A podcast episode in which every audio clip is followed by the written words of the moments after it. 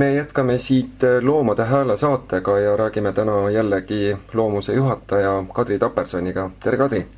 tere! suhtleme üle Skype'i, nüüd on nädal läinud mööda sellest ajast, kui sa tulid teisipäeval Keskkonnakomisjonist Riigikogust, kus oli arutusel karusloomafarmide keelustamise eelnõu. mis on selle nädala jooksul vahepeal juhtunud, milliseid sündmusi ja uudiseid on tulnud? Ja ma kohe kõigepealt tahan öelda, et need, kes on nüüd hakanud seda podcast'i kuulama, ei peaks kartma, et igal nädalal räägib üks ja sama inimene. meil on palju plaane ja külalisi tulemas ja teemasid jätkub, aga kuivõrd praegu on see karusloomafarmide keelustamise teema eh, mitte ainult meie jaoks, vaid, vaid ilmselt väga paljude inimeste jaoks niisugune kuum eh, teema, teisipäeval hääletatakse eh, selle üle ka, mm, ka Riigikogu saalis, et siis ei ole muud muud teha, kui jälle sama teema juurde tagasi tulla. teeme täna ju küll natuke lühemalt ja, ja räägime ainult neid põhipunkte, mis juhtunud on siis ähm, tahtsin äh, kokku võtta äh, natukene, natukene neid äh, erinevaid äh, erinevaid asju, mida karusloomafarmerid äh, ise selle nädala jooksul ajakirjanduses ja muudes kanalites niimoodi levitanud on.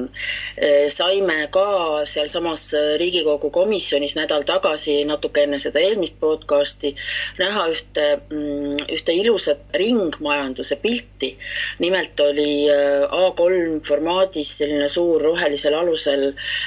pilt joonistatud, vaat nagu laste lauamäng sellest, kuidas siis karusloomafarmerid äh, tegelikult äh,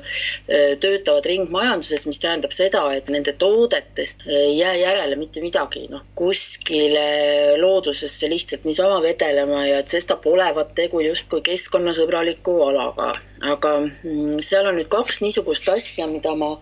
äh, mis mul kohe alguses silma jäid ja mitte ainult mulle, üks oli selline kurvastav tõsiasi, et kuidas ikka saab joonistada nii ilusat pilti lasteraamatu illustraator.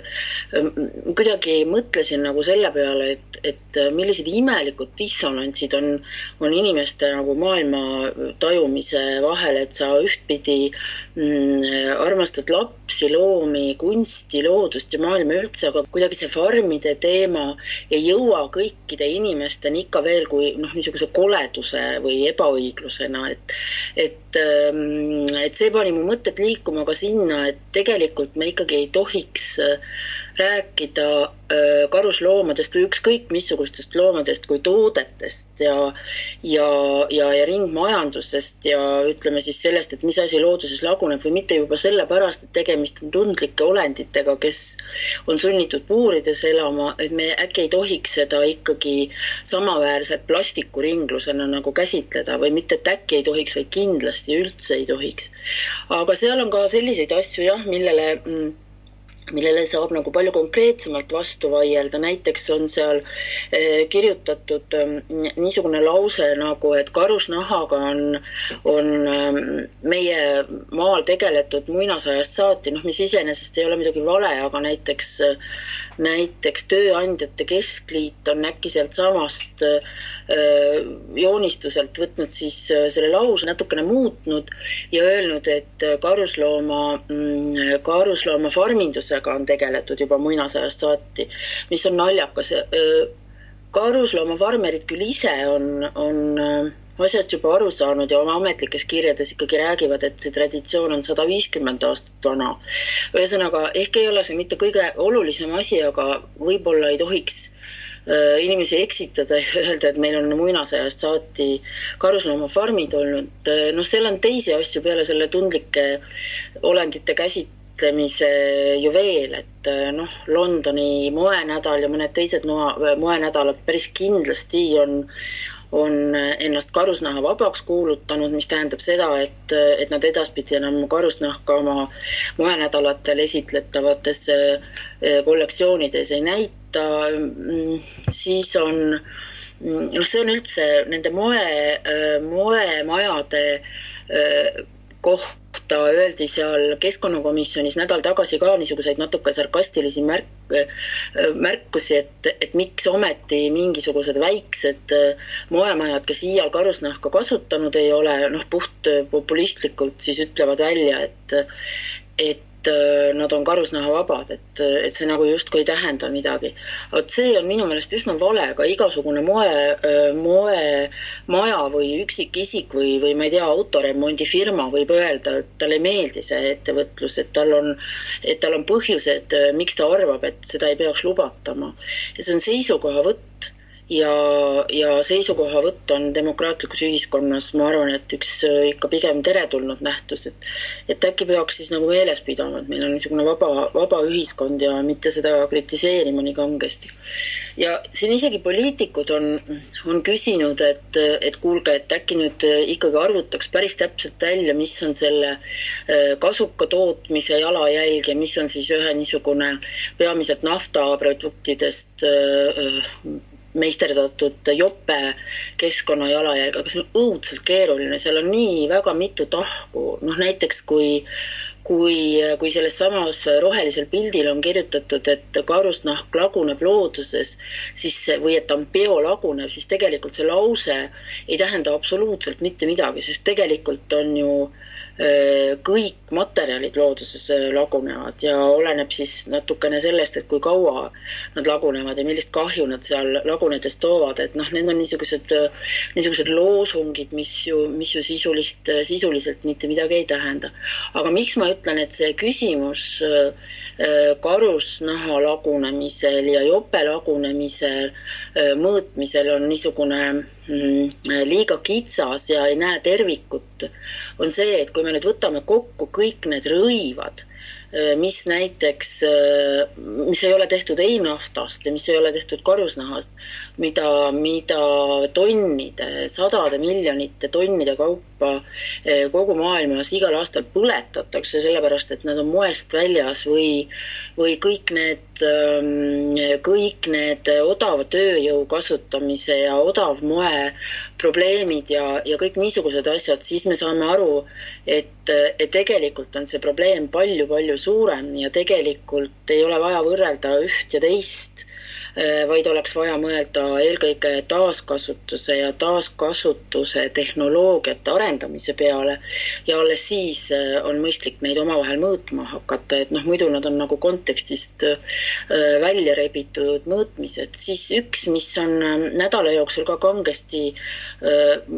sõna, niisuguseks tuntud sõnaks saanud siin erinevates artiklites ja asjades on formaldehüüd, et kas seda ikka kasutatakse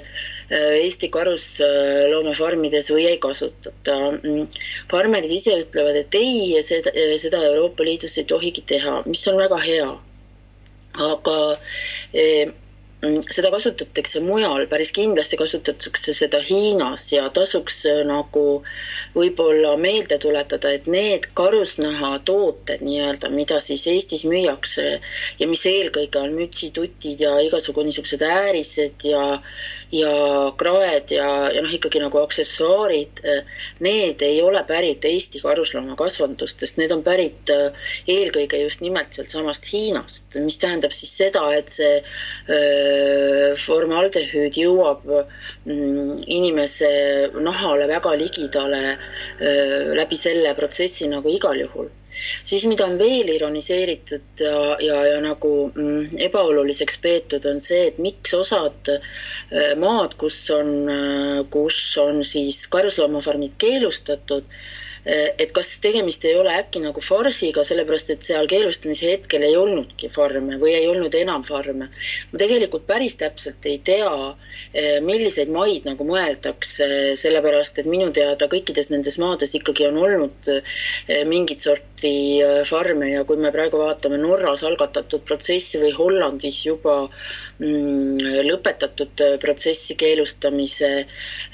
keelustamise teemalist, noh, Hollandis veel ülemineku aeg küll kestab, siis noh, need on ju teatavasti üsna suured karusloomafarmide maad, siis noh, näiteks täna sain teada, et Montenegros tõepoolest katsutakse ka farmide pidamine keelustada.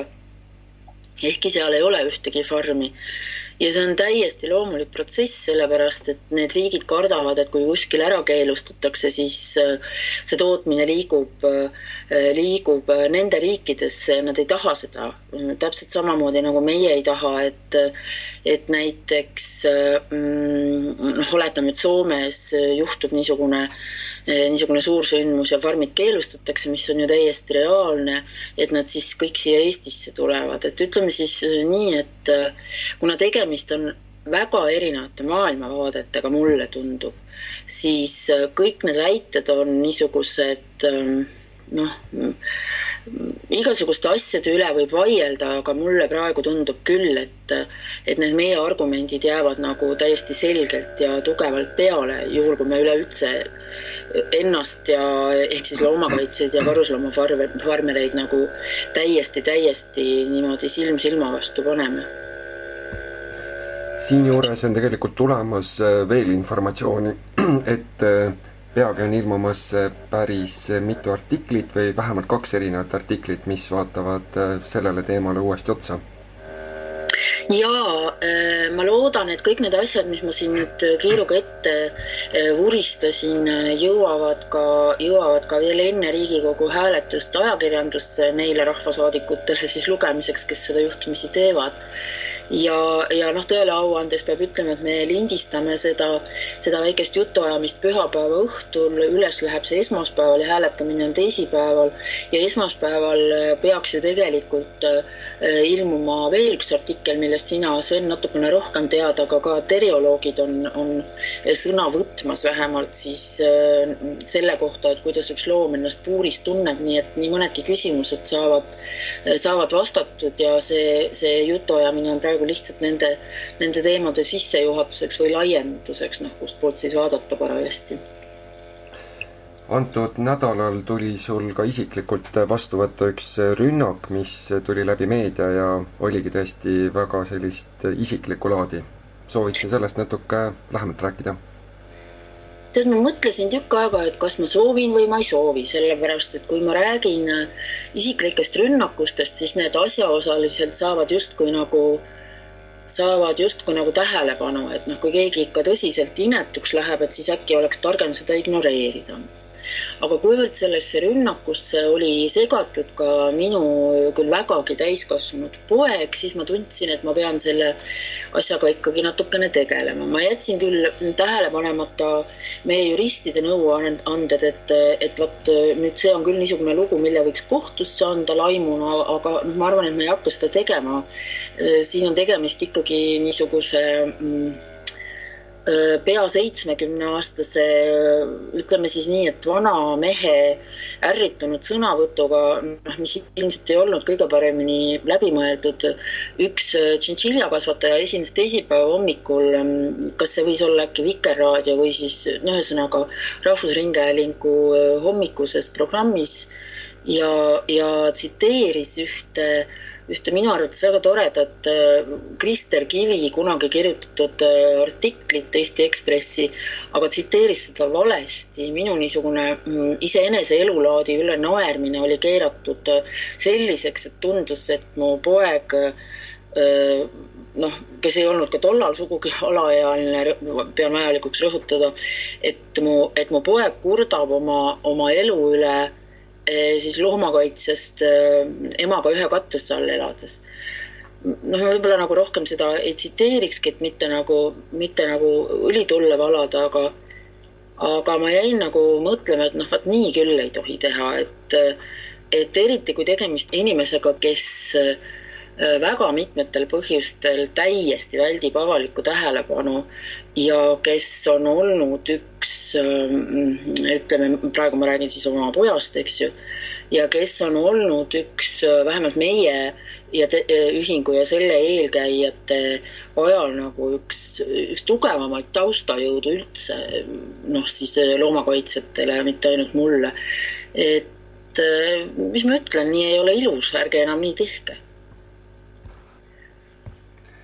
aitäh, Kadri Taperson, selle intervjuu eest ja loodan, et teisipäeval võtab Riigikogu vastu õiged otsused. ja ma loodan, et me räägime ehk nädala või paari pärast jälle ja meil on, on siis põhjust rõõmustada ja rääkida võib-olla eh, uutest ja ehk mitte nii tõsistest teemadest, aitäh! aitäh!